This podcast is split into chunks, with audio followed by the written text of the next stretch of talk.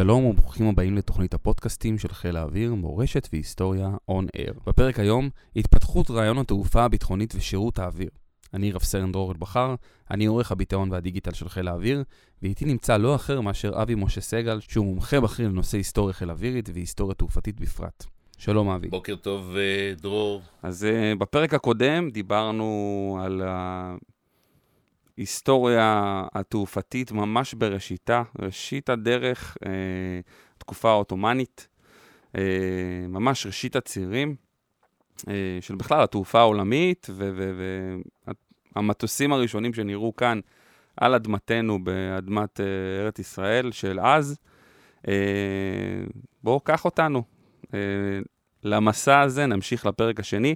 אגב, אני אגיד פה משפט אחד, מי שרוצה לשמוע את הפרק הראשון, יכול למצוא את זה בעצם בכל פלטפורמות הפודקאסטים הקיימות, פשוט לחפש On Air, תמצאו שם את מורשת והיסטוריה, ותמצאו גם את הפרק הראשון ואת שלל הפרקים שעוד יעלו בהמשך. אנחנו uh, בפרק הראשון שהקלטנו, אה, בפרק הראשון של הפודקאסט, עסקנו בטיסות הראשונות לארץ ישראל, במסעות האוויר הראשונים לארץ ישראל.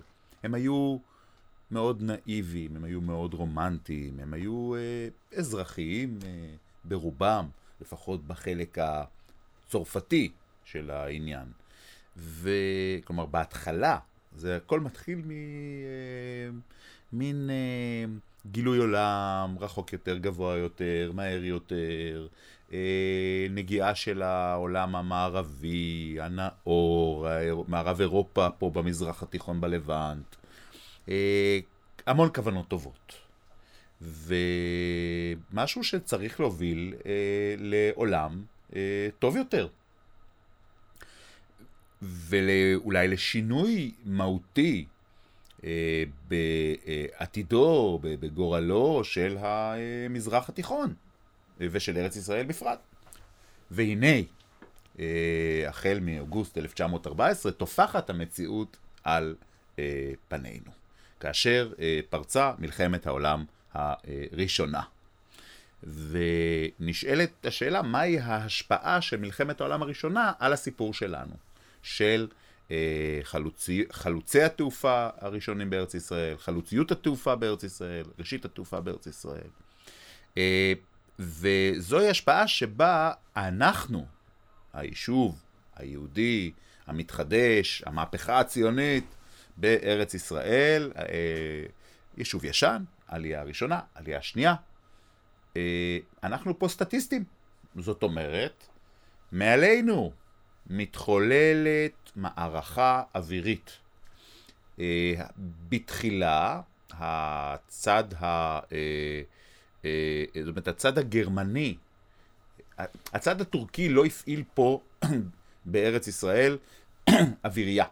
הצד הטורקי, יש לו חיל אוויר, והוא פועל בעיקר בבלקן, בעיקר קרוב לבית. פה, ב, ב, ב, בזירת המזרח התיכון, הטורקים נעזרים בבעלי בריתם הגרמנים. ובארץ ישראל מוצבות אה, כמה טייסות אה, גרמניות, בעיקר 300, 301, 302, 303, 304, 305. אלה הם המספרים העיקריים שחוזרים על עצמם. עם איזה פלטפורמות? מטוסים אה, דו-כנפיים, עשויי אה, עץ ומצופי אה, בד, כמו הרומפלר והפוקר, אה, אותם, אותם מטוסים שאנחנו מכירים גם בחזית אה, אירופה, גם בחזית המערב. אה, הכי מעניין עבורנו בעיניים יהודיות, ציוניות, ישראליות, הרומפלר. מכיוון שרומפלר זו משפחה, משפחה יהודית. זה פירמה, כן? כמו פורד, כמו פיאט, זה, זה, זה בן אדם. רומפלר. ורומפלר ייצרו אה, את אחד ממטוסי הקרב החשובים ביותר של חיל האוויר של הקייזר, חיל האוויר של הקיסר, כאשר uh, המשפחה הזאת, צאצאיה, חיים בישראל היום. יש, אני, מכיר את אה, קובי מור, אה, מהנדס לשעבר אה, באלתא, אה, שהוא אה, קובי רומפלר, אה, והוא צאצא של המשפחה אה, הזו. יש בארץ ישראל מערכה אה, קרקעית על גורלו של האזור, ויש מערכה אווירית שמלווה אה, מלמעלה, נותנת את המעטפת. וכל ה-10 commitments, כל עשרת הדיברות של הכוח האווירי, החל מהשגת עליונות אווירית, אה, והמשך בסיוע לכוחות היבשה, והמנעה, ואיסוף מודיעין, ופינוי נפגעים, ואספקה, כל הדברים הללו היו קיימים אה, כבר במלחמת העולם הראשונה, והיה להם ביטוי גם בארץ ישראל. מה שמאוד מאוד מעניין זה האופן שבו אה, מוצבות, האופן שבו מוצבות בשטח הטייסות הגרמניות. טייסת קרב גרמנית מוצבת תמיד ליד מושבה גרמנית טמפלרית או ליד אה, מושבה אה, אה, יהודית אה, של ההתיישבות היהודית החדשה, מושבה יהודית ציונית של העלייה הראשונה. חשוב רגע להגיד למאזינים, אנחנו לא מדברים על... אה, לא צריך לתאר פה איזה בסיס גדול עם שדה תעופה, בסוף אנחנו מדברים על אה, מדשאה שאפשר לנחות עליה, כמה אוהלים אה, מסביב, דגל גרמניה באמצע, איזה מקום שאפשר לעשות בו מקלחת שדה. וזה, ככה נראית טייסת גרמנית בעצם. הכל דייקת חוץ מהמדשאה, אתה פה לא באירופה, נכון. פה זה לא אה, מר, אה, מערב אירופה, פה זה לא גרמניה, אין אחו. אה, בדרך כלל איזשהו אה, מגרש מסוכל, אה, אה, מקטע של דרך. שזה, משהו ש... מספיק מהודק לקרקע, כן. שהוא לא חולי יותר מדי, ואפשר לנחות עליו. כן, שרוול רוח. כן. לכיווני הרוח. מאהל של הטייסים והמכונאים, כאשר אה, היה, היו גם סוללות נ"מ. והנ"מ היה נ"מ ארטילרי כבד, זאת אומרת, פגז מתפוצץ ליד קבוצה של מטוסים, הוא אמור לפגוע בכמה מטוסים, במבנה שלם, זה, זה, זה סוג אחר לגמרי של uh, נ"מ. ובין הטייסים היו גם יהודים. וגם בין המכונאים. לא רבים, אבל היו. זאת אומרת, איך נתפס טייס גרמני בעיני היישוב העברי? כמושיע. זאת אומרת, החיילים הטורקים הרעבים שמסתובבים ומחפשים לחם ואין מי שדואג להם, אקמק, אקמק, לחם, לחם, אה, אה, הרבה פעמים אה, פגעו במושבות, היה צורך להגן על עצמנו מפניהם. ואילו טייס גרמני זה ידיד, זה אדם משכיל, תרבותי, היו מסיבות עם הטייסים הגרמנים, היו קשרים רומנטיים בין הטייסים הגרמנים לבין אה, בנות המושבות והיישובים העבריים שבקרבתם הם היו. אנחנו מדברים על 1921, אנחנו מדברים על 1917-18. 17-18. אנחנו מדברים על 1917-18, על שיאה של מלחמת העולם הראשונה באזור. מבחינה מבחינת המיקומים, אה, המיקומים הם אה, מרתקים. למשל, הייתה טייסת גרמנית שישבה במנחת זרונה. זאת אומרת, אה, איכילוב, רחוב ויצמן של היום. כדי לקבל אספקה משרונה, להיות ב- ביחסים עם שרונה. הייתה טייסת גרמנית שישבה במנחת בית להם. מה זה מנחת בית להם? מתחת למושבה, בית לחם הגלילית. זאת אומרת, מתחת למושבה בית להם, והמושבה ולדהיים, בית לחם הגלילית ואלוני אבא של היום. כלומר, קניון אלונים של היום, זאת טייסת גרמנית שיושבת בשדה תעופה בית להם. כאשר האיכרים, הטמפלרים, מאוד רוצים אה, לייצר אה, אינטראקציה עם הטייסים הגרמנים. מפני שהטמפלרים חיו במערכת סגורה. לא היו להם קשרים טובים עם המדינה הגרמנית, עם הקיסרות הגרמנית, אז היו יחסים מאוד בעייתיים, ואם הגיעו טייסים גרמנים, אה, בחורים מאוד מוצלחים, משכילים, אה, מהאליטה של הקצונה הגרמנית, של החברה הגרמנית, ממיטב האוניברסיטאות, אז אפשר לחתן את הבת עם אחד כזה. והייתה ממש תחרות איך לפנק את הטייסים הגרמנים.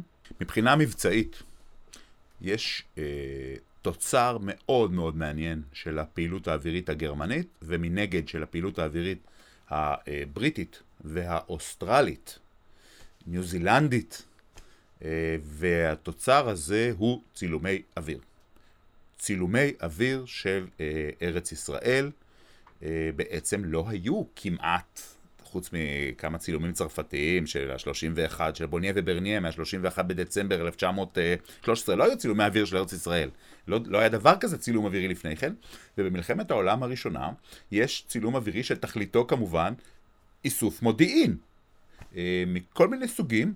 והוא מאוד מקיף והוא מאוד שיטתי, והוא אה, כמובן הבסיס אה, לספרו הנהדר של פרופסור בן, אה, בן אה, אה, פרופסור זאב, אה, בנימין זאב קדר, אה, מבט ועוד מבט על ארץ ישראל, אה, ספר אלבומי נפלא שהודפס בעשרות אלפי אה, עותקים.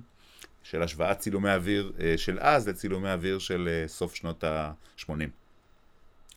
אה, מי שעדים מהקרקע, עדים נרגשים לכל המהלך האווירי הזה שמלווה את המערכה על ארץ ישראל והאזור, המערכה שבסיכומה הגנרל אדמונד אלנבי כבש אה, בראש אה, חיל המשלוח שלו את ארץ ישראל, היו אה, צעירות וצעירים אה, בני היישוב העברי. כלומר, כל תושבי הארץ, רוב, מרבית תושבי הארץ היו עדי ראייה לדבר הזה, השאלה על מי זה ישפיע, במי זה ייתן את אותותיו.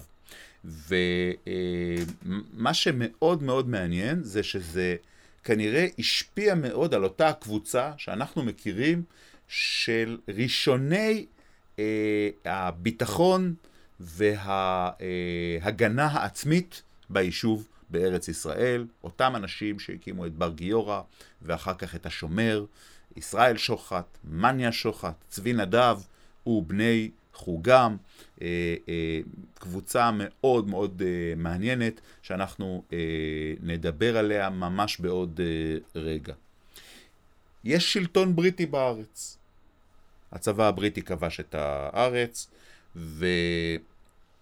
יש פה אה, איזושהי אה, התארגנות, איזושהי רגיעה, זה הופך לשלטון אזרחי בריטי, המנדט, מגיע נציב עליון, כן? ובאותה אה, עת, בתחילת שנות ה-20, מתחילים, מתחילה שורה של מאורעות אה, דמים, מאורעות 1920, 1921, 1929, תר"פ, תרפ"א, תרפ"ט. ויש לנו אירוע מאוד מאוד מעניין, שמתרחש במאורעות תרפ"א, 1921, תרפ"א, בחמישה במאי 1921, כאשר אה, המון ערבי תוקף את המושבה הקטנה פתח תקווה. ועוד מעט הם יפרצו לתוכה ויבצעו טבח. על פתח תקווה מגן הזיידה, זקן השומרים, אז הוא עוד לא היה כל כך מבוגר, אברהם שפירא, והמצב הוא קשה ביותר. מי שמותקפים בעצמם, ומי שמרגישים בשלב הזה אחריות אה, כבדה לשלום היישוב העברי, הם הבריטים. ויש בארץ כוח אווירי בריטי מצומצם, לשיטור, לא כמו במלחמה, אבל יש בהחלט כוח אווירי, וטייס אה, בדרגת סמל, מקובל מאוד, סרג'נט פלין, מטייסת מספר 14 של חיל האוויר המלכותי, בשלב הזה זה כבר RAF, זה כבר חיל האוויר הבריטי, רויאל אייר פורס, ממריא ממנחת אה, העפר של רמלה. היום אנחנו מכירים את המקום הזה כמחנה האלוף רחבעם זאבי, פיקוד העורף, אה, מחנה מאוד אה, משמעותי, אה, בסיס מאוד משמעותי של צה"ל, היום, בהווה. שגם הוא היסטורית. נכון. יש לו קשר מאוד עמוק לחיל האוויר. נכון, זאת הייתה מפקדת חיל האוויר בין השנים 1951 ל-1959. מלחמה נוהלה משם, מלחמת סיני, מבצע קדש, בידי האלוף דן טולקובסקי, איש יקר, יוודא לשנים ארוכות, שחגג עכשיו מאה. ו... זה מתחיל כשדה תעופה גרמני במלחמת העולם הראשונה. למה? כדי להיות קרוב לראשון לציון, לרחובות, לנס ציונה, ליד אה, יישובים אה, ידידותיים, אוהדים, אה, ששייכים למושבות של העלייה הראשונה. וזה הופך למנחת בריטי, כמו מנחתים רבים נוספים, כי מי שכובש אז זה שלו, וממריא פלין, ומזהה את כיווני ההתקפה על פתח תקווה, חמישה במאי 1921, זורק ארבע פצצות, יורה במקלע, ולמעשה הודף את המאמץ העיקרי של הכנופיות בהתקפה על פתח תקווה.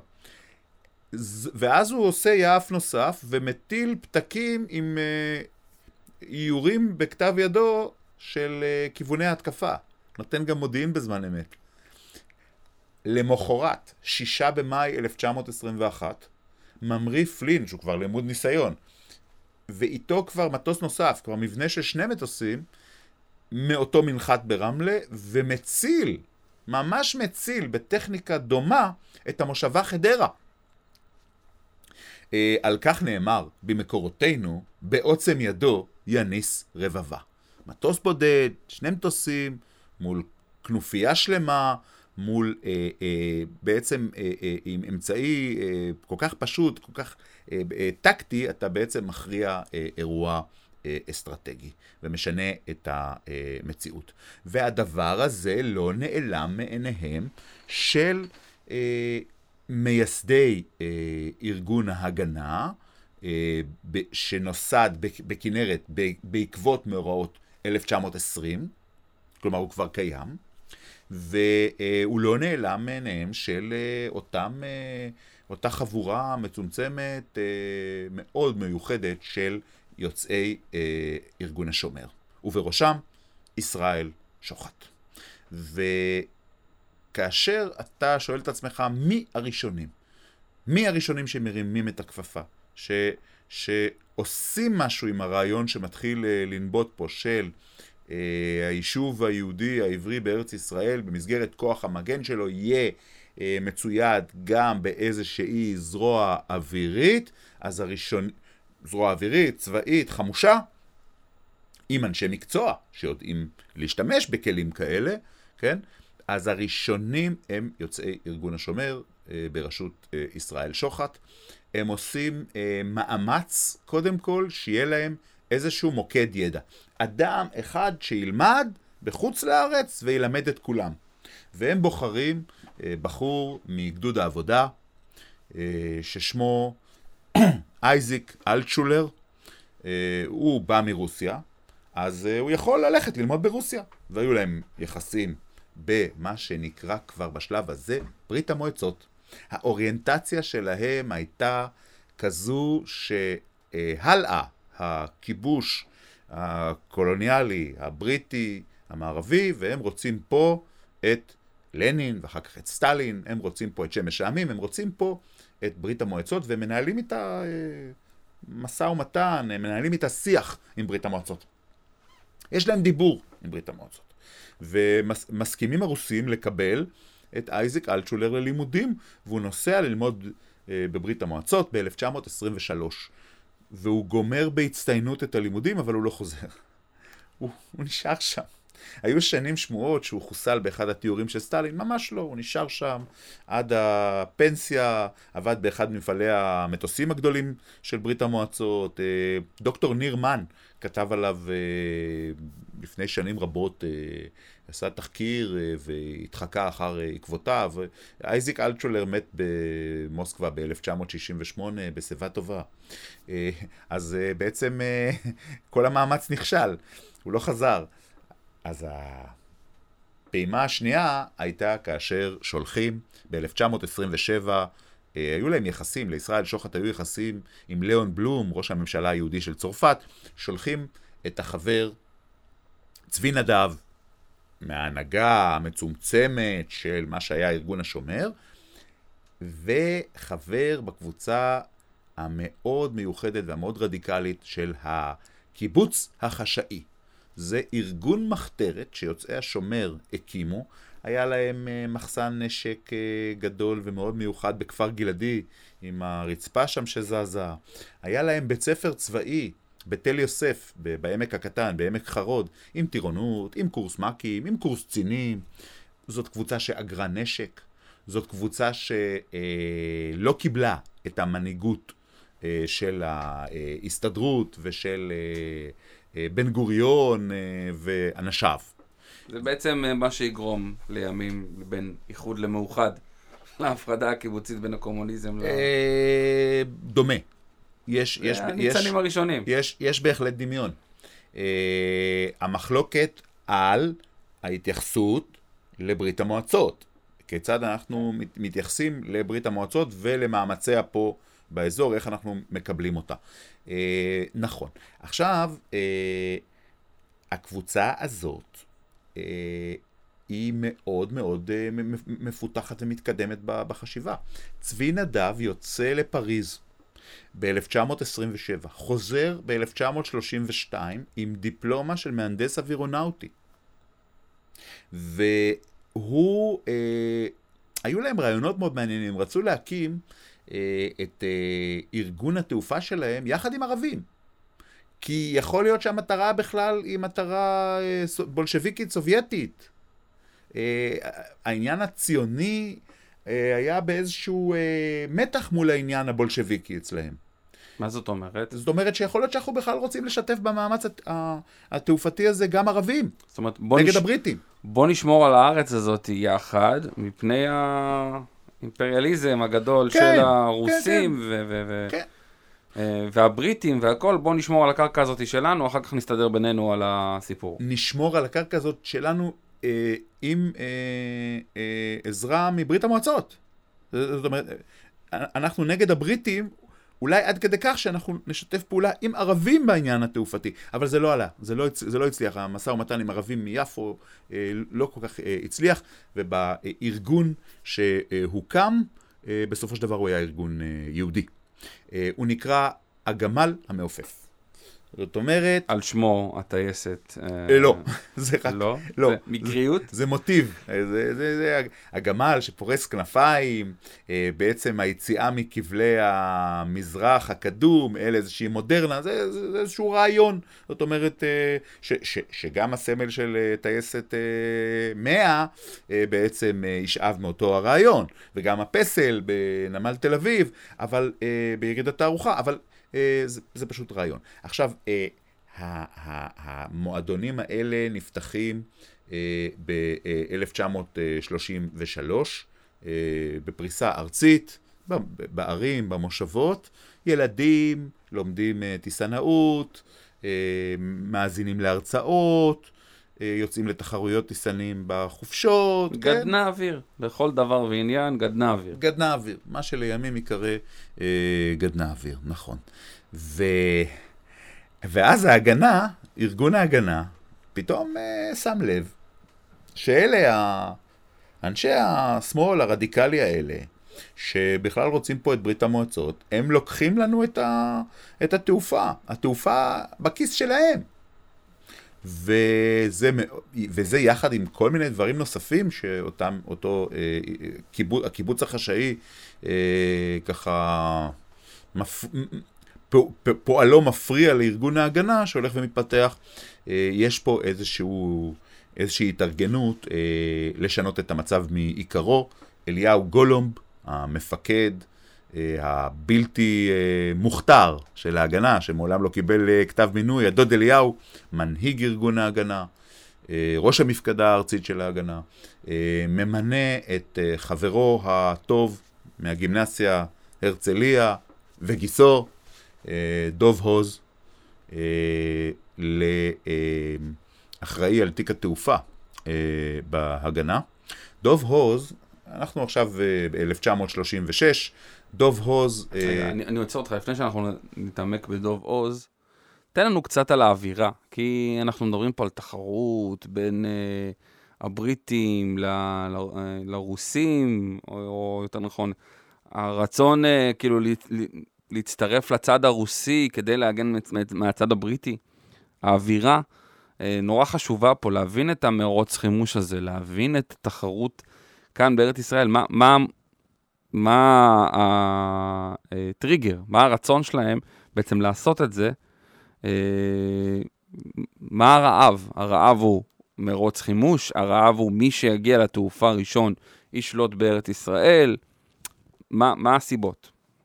בסופו של דבר, ברור שמי שמקים אה, פה ארגונים, ארגון צבאי, אה, יצטרך אה, שבשפיץ של הארגון הצבאי הזה תוביל אותו איזושהי זרוע אווירית, זאת תהיה איזושהי אליטה, ו, וזה יביא איתו כוח אש גדול הרבה יותר מאשר החיילים על הקרקע.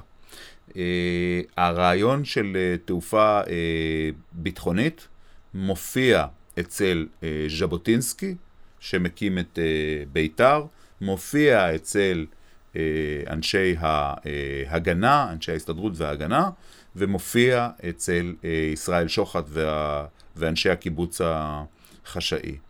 והרעיון הוא, הוא בעצם שכיוון שיש פה שלטון זר, יש פה שלטון בריטי, אתה צריך לייצר אה, אוויראים צבאיים, טייסים צבאיים, במחתרת.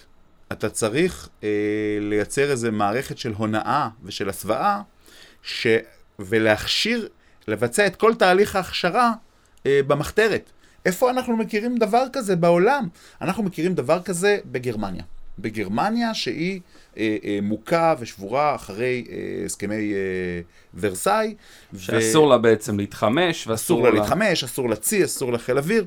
והיא, אה, ויש בגרמניה מאות מועדוני, אה, פתאום צצים כפטריות אחרי הגשם, מאות מועדוני אה, טיסנאות ודאייה וטיס ספורטיבי, ו, ו, ויש איזה תהליך גרמני מאוד מאוד מעניין של אה, אה, יצירת אה, תעופה כאילו, כאילו תמימה, כאילו ספורטיבית, אה, במחתרת. אה, ברור שזה אומר תעופה אזרחית ספורטיבית מאוד מפותחת באמת, אבל אה, יש לזה מטרה. והמודל הזה, אה, ההשראה שלו מגיעה לפה, בעיקר כתוצאה מעליית אה, המשטר הנאצי בגרמניה, ועלייתם לארץ של אנשי תעופה אה, יהודים מגרמניה. במיוחד יש לזה ביטוי במכבייה של 1935, אה, המכבייה השנייה, כאשר אה, מגיעה להשתתף במכבייה משלחת דואים מגרמניה. כלומר, אנשים שהם כולם אנשים בעלי מקצועות חופשיים ברמה הגבוהה ביותר.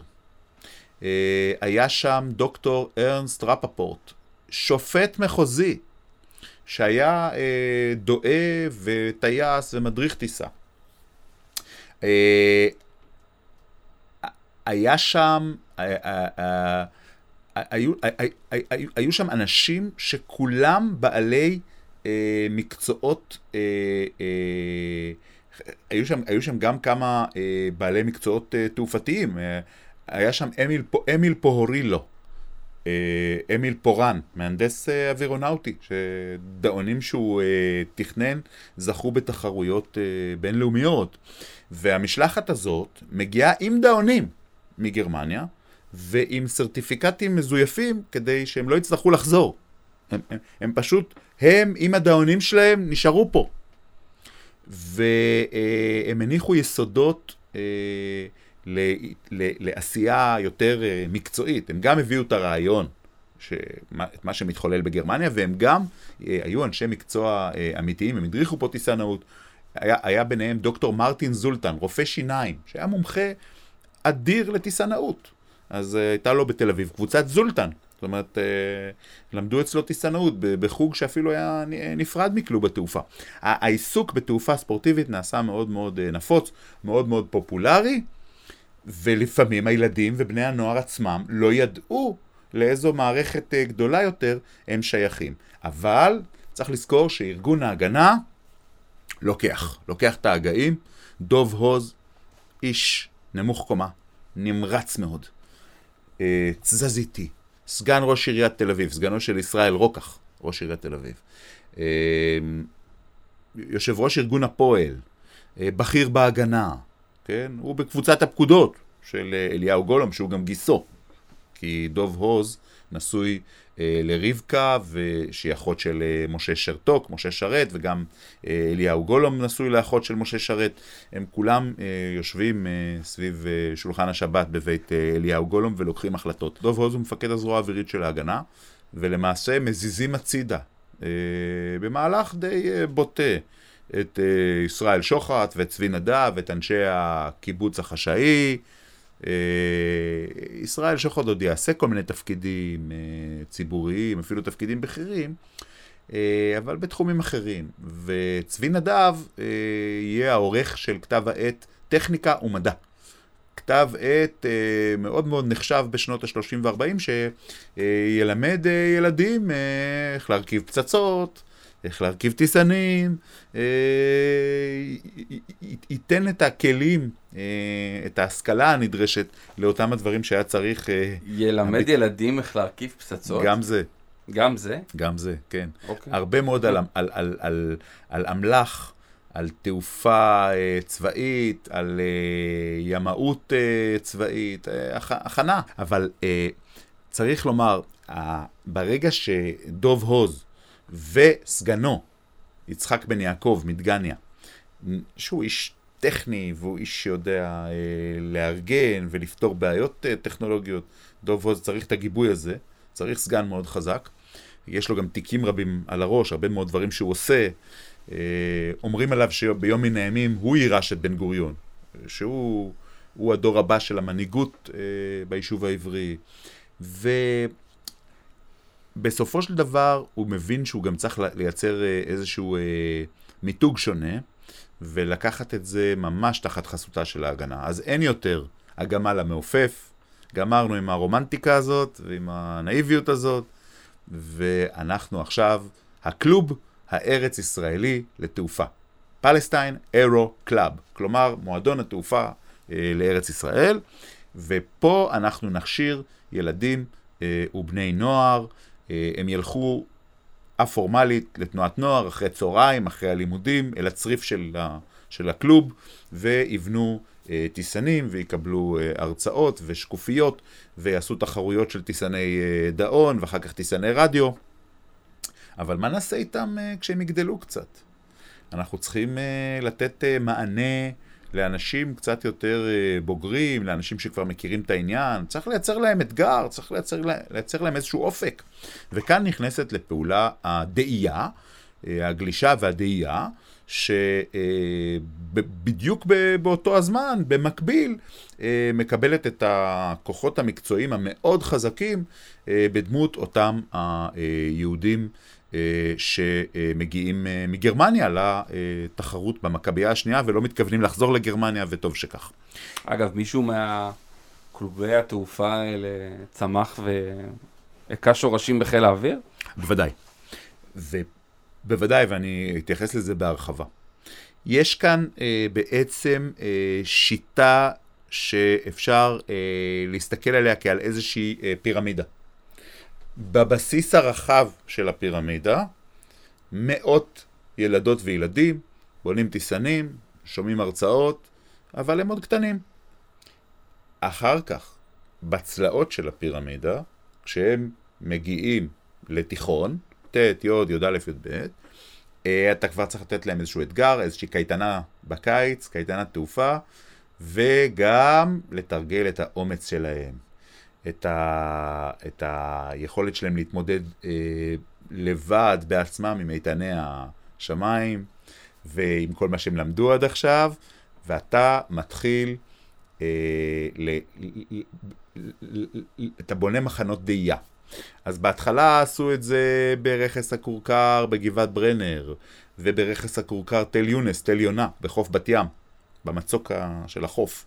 אבל התברר שהמקום עם משטר הרוחות הטוב ביותר, ואת זה בחר עוד צבי נדב מה, מהגמל המעופף, מהקיבוץ החשאי, היא גבעת המורה שמעל אה, המושבה דאז עפולה.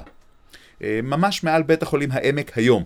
השרידים של אה, כפר ילדים, של אה, אה, פנימייה ליתומי הפרעות באוקראינה ובביאלורוס, אה, הפרעות של פטלורה. בסוף מלחמת העולם הראשונה, של איזשהו גנרל אוקראיני, רב קצבים. הגיעו לפה יתומים, בנו להם כפר של יתומים אה, יהודים,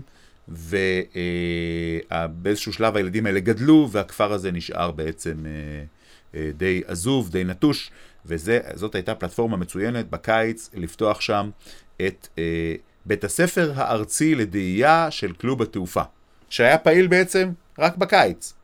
היו מגיעים בנות ובנים מכל הארץ, ומכירים אה, גלשון, שזה בעצם דאון מאוד פשוט, בלי קוקפיט ובלי מכשירים, ששמו ורונה. אה, wrona זה עורב בפולנית, אה, יושבת נערה, יושב נער, יש אה, כיסא, יש סטיק, יש דוושות, זהו. מחברים אה, אה, קבלי גומי אל שני יתדות ברזל באדמה, ומותחים, ומותחים, ומותחים רוגטקה. רוגטקה אנושית, נער או נערה, אה, מעל, אה, בשמי עמק יזרעאל, לבד, בהתמודדות.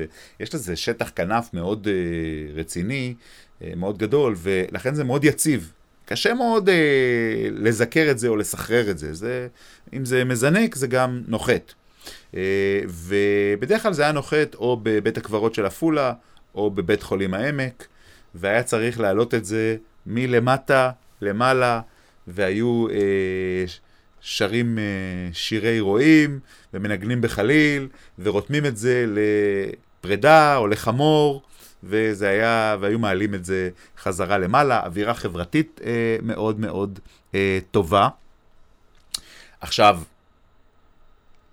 איך, מהם השלבים?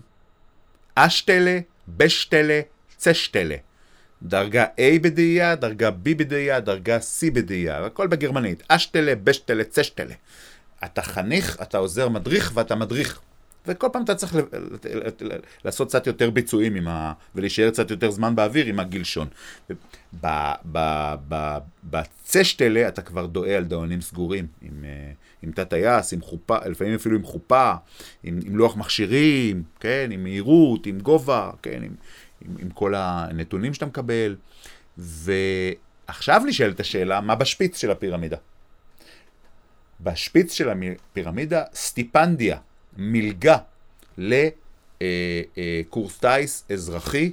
כלומר, דוב הוז בעצם צריך להקים מסגרת לדבר הזה, ולכך קוראים חברת אווירון.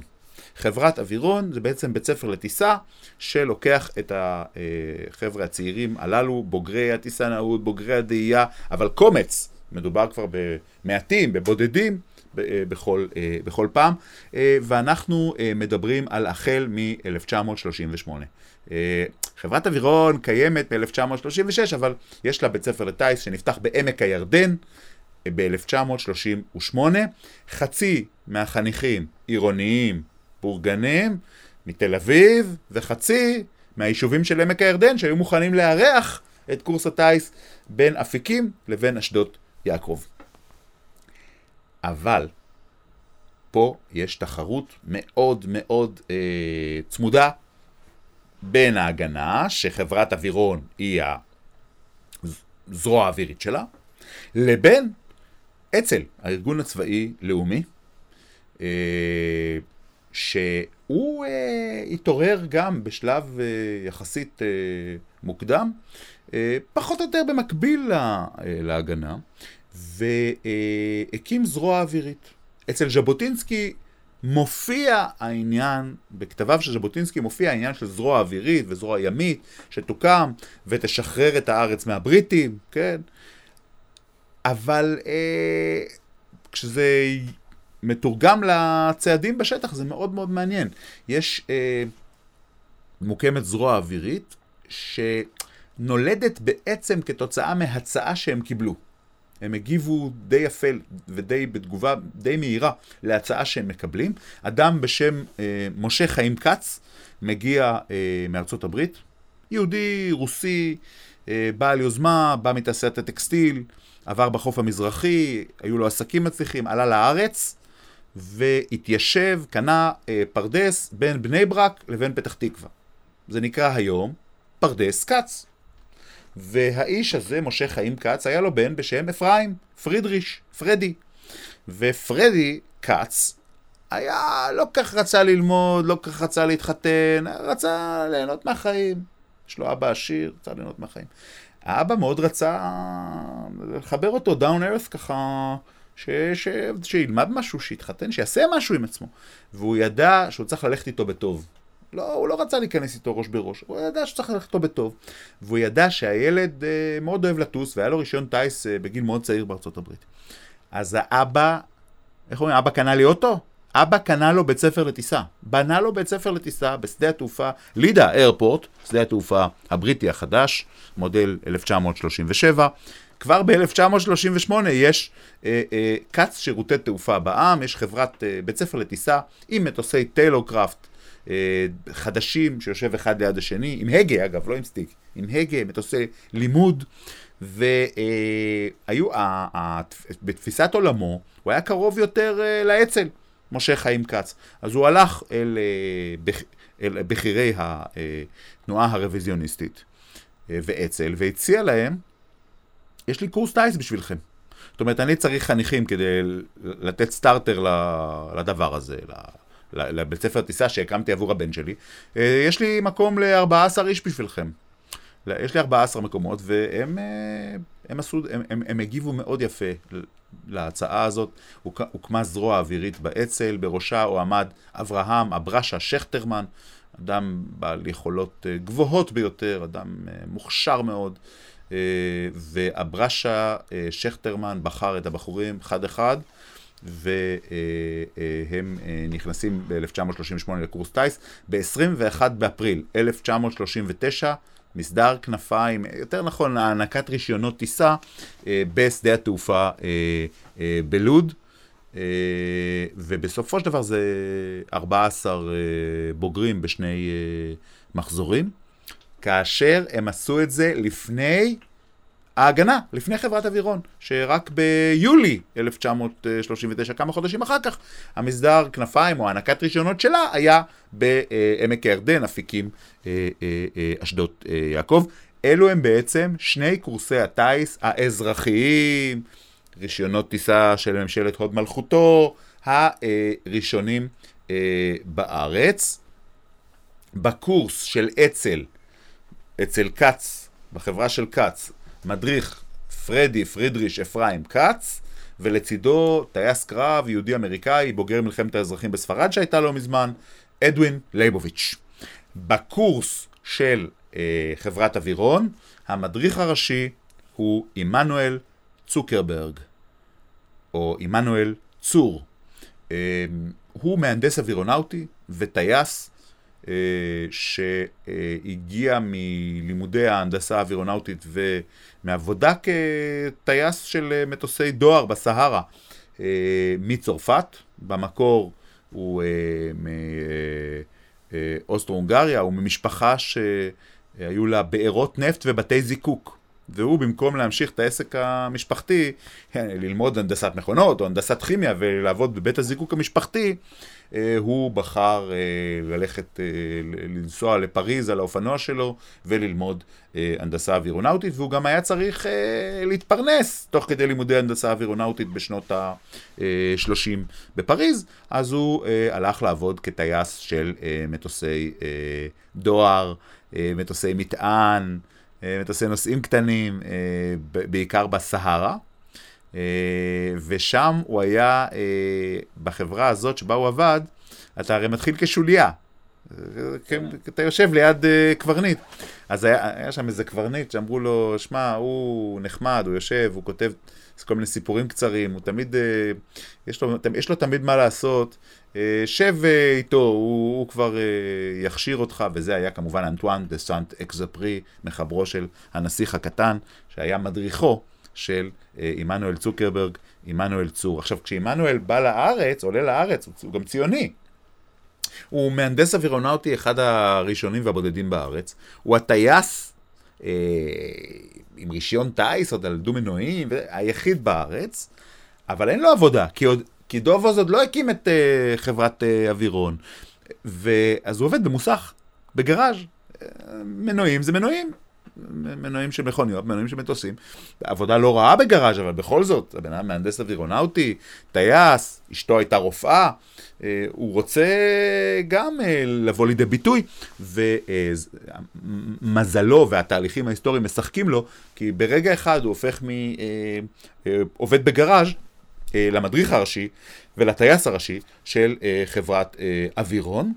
אגב, התחרות בין אצ"ל לבין ההגנה, בין uh, בית הספר של משה חיים כץ עם הבן שלו פרדי לבין uh, חברת אווירון, היא תחרות שהרקע שלה הוא בעצם, זאת אומרת, הסוואה אזרחית לקורס טיס uh, צבאי.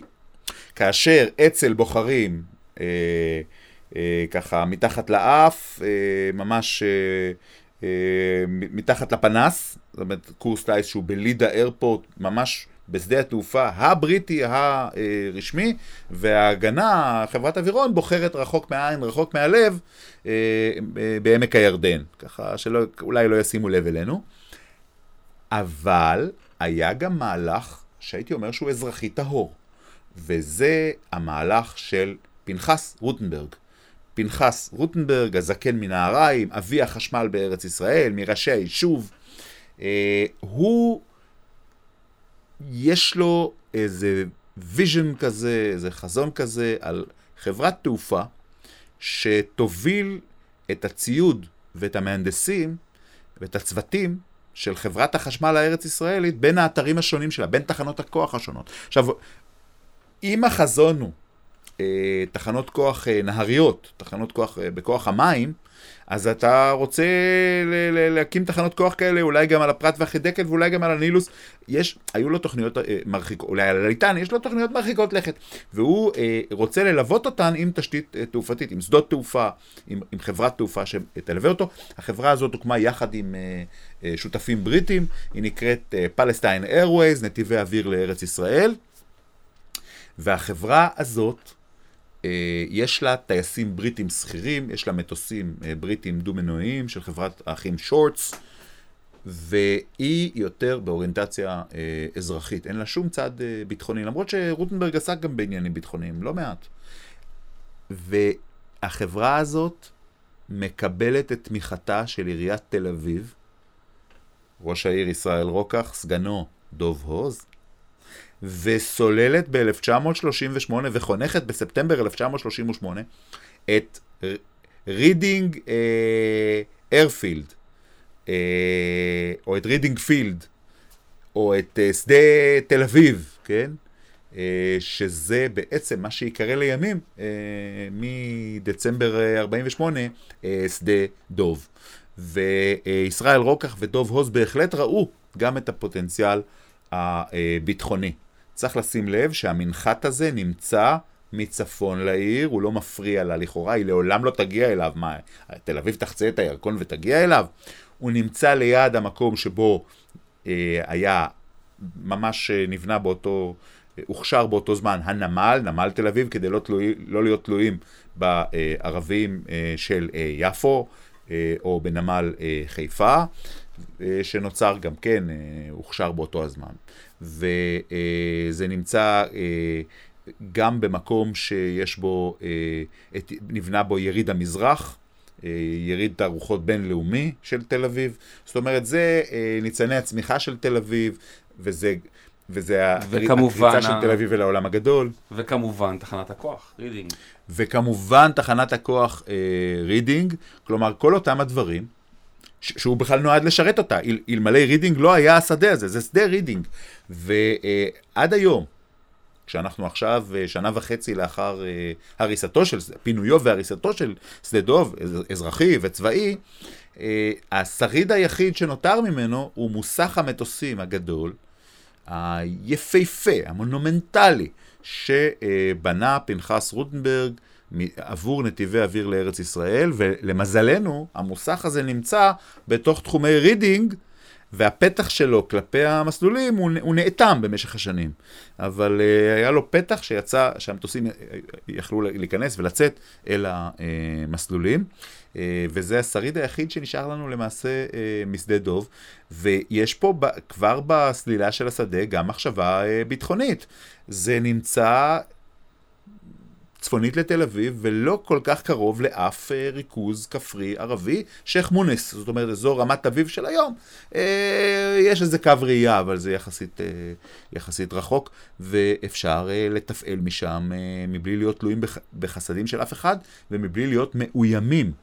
כי המרכז, מרכז הכובד של התעופה בארץ, זה לוד, רמלה, וזה אזור אה, של אה, הערים הערביות לוד ורמלה, של הרבה מאוד כפרים, הרבה מאוד עובדים ערבים, ומתחילים אה, לתת את הדעת גם על הדבר הזה. זאת אומרת, מי שמוביל פה הוא דוב הוז. דוב הוז נותן דוגמה אישית, הוא וסגנו, יצחק בן יעקב, הולכים ועושים בגיל 40 פלוס קורס טיס בחברת אווירון, שמורים אצלנו במוזיאון חיל אוויר הלוגבוקים שלהם, יומני הטיס אה, שלהם ורישיונות הטיס שלהם. אה, דוגמה אישית ומופת. מה ש... את כל הפריחה המתוארת, הפריחה הזאת של אה, אה, מועדוני הטיס, אה, שבעצם הם אה, אה, כיסוי אה, ל... או הסוואה או קמופלאז' לתעופה אה, צבאית, ביטחונית, במחתרת, במודל כמעט יחידי בעולם, עם איזושהי השראה גרמנית. את כל הדבר הזה, את כל הפריחה והשגשוג הזה, אה, אה, תפסיק, תסיים מלחמת העולם השנייה. פרוץ מלחמת העולם השנייה, אה, בראשון בספטמבר 1939, הפלישה הגרמנית לפולין, זה יהיה בעצם אה, איזשהו אקט שישפיע מאוד על אה, התפתחות התעופה בארץ ישראל לשלילה. הבריטים אה, שחוששים באמת מהפצצות אוויר גרמניות, איטלקיות, אבל גם מנצלים את התירוץ ש, שיש פה עכשיו מלחמה וצריך להיזהר, ואנחנו לא רוצים להתבלבל ולהפיל בטעות מטוסים שלכם וכולי. לא רק זה, הם גם מחרימים, לא רק שהם אוסרים על טיסות, הם גם מחרימים את המטוסים של נתיבי אוויר לארץ ישראל, של אווירון, ומשתמשים בהם uh, כמטוסים קלים של uh, uh, חיל האוויר הבריטי. ובעצם uh, התעופה העברית uh, נמצאת במורד, יש עצירה של הפעילות, אבל הדברים הללו uh, השתנו uh, uh, בתכלית uh, uh, בהמשך המלחמה. Uh, מה שהייתי uh, אומר חותם את התקופה הזאת בדצמבר 1940, זה אירוע טרגי. כאשר דוב הוז עם אה, אשתו רבקה, עם הבת תרצה, עם הסגן יצחק בן יעקב, עם עוד שתי נשים מהמשפחה באוטו, אה, חוזרים אה, מביקור אצל אסירי המחתרות, אסירי ההגנה, מ"ג אסירי הגנה, 43 אסירי הגנה בכלא עכו, אגב ביניהם אה, איש ושמו פלג, תמיר, איש ושמו משה דיין, ביניהם ושמו, איש ושמו פלג, ביניהם איש ושמו פלג תמיר, לימים אה, אה, אלוף משנה ראש מחלקת השלישות בחיל אוויר, זה מה שנקרא היום להק כוח אדם, אה, והולכים לבקר אותם, אה, ודוב הוז נוהג באוטו, והוא כנראה היה עייף מאוד על ההגה, הוא חוזר אה, מעכו דרך כביש החוף, מה שנקרא היום הישן, כביש 4, וכשהוא מגיע עובר את בית ליד, וממזרח לו המושבה פרדסיה. הוא סוטה מהכביש, פוגע באיזשהו גליל בטון, מעביר מים. וכמעט, חוץ מאישה אחת שנפצעה, כולם נהרגים. על שם דוב, רבקה ותרצה, קיבוץ דורות בנגב, על שם דוב, כעבור עשר שנים, בדצמבר 48, שדה דוב. על שם סגנו יצחק בן יעקב, שדה, עד היום שדה התעופה במחניים, ליד ראש פינה. כלומר, בעצם נקטעה נקדמה ההנהגה של התעופה העברית בארץ ישראל. זאת אומרת, בתחילת מלחמת העולם השנייה, בעצם בשנה הראשונה שלה משבר מאוד מאוד חמור, שבכלל נשאלת השאלה האם, האם כל זה יכול להמשיך, לאן, לאן פני התעופה העברית. טוב, המון תודה אבי, באמת סיפור מרתק. הפרק השני בתולדות חיל האוויר הישראלי, ממש העשור השני, נקרא לו ככה, אחרי מלחמת העולם הראשונה. אני למדתי המון, אני בטוח שגם המאזינים למדו המון. תודה רבה, דרור. שמחנו מאוד לארח אותך, ואנחנו נתראה בפרק הבא, שיעסוק ב-1940 בואכה הקמת מדינה והקמת שירות אוויר ישראלי. בעצם אנחנו מתקדמים בצעדים קטנים, אבל מאוד מאוד רציניים, בדרך לחיל האוויר הישראלי. חיל האוויר היהודי, הקמת חיל האוויר, השורשים הראשונים. את הפודקאסט הפיק יונתן רווה. תודה רבה לאבי משה סגל, אני דרור אלבחר. פרקים נוספים תוכלו למצוא בתוכנית הפודקאסט היסטוריה ומורשת און אר, וכל יישומי הפודקאסט הקיימים. נתראה בפודקאסט הבא.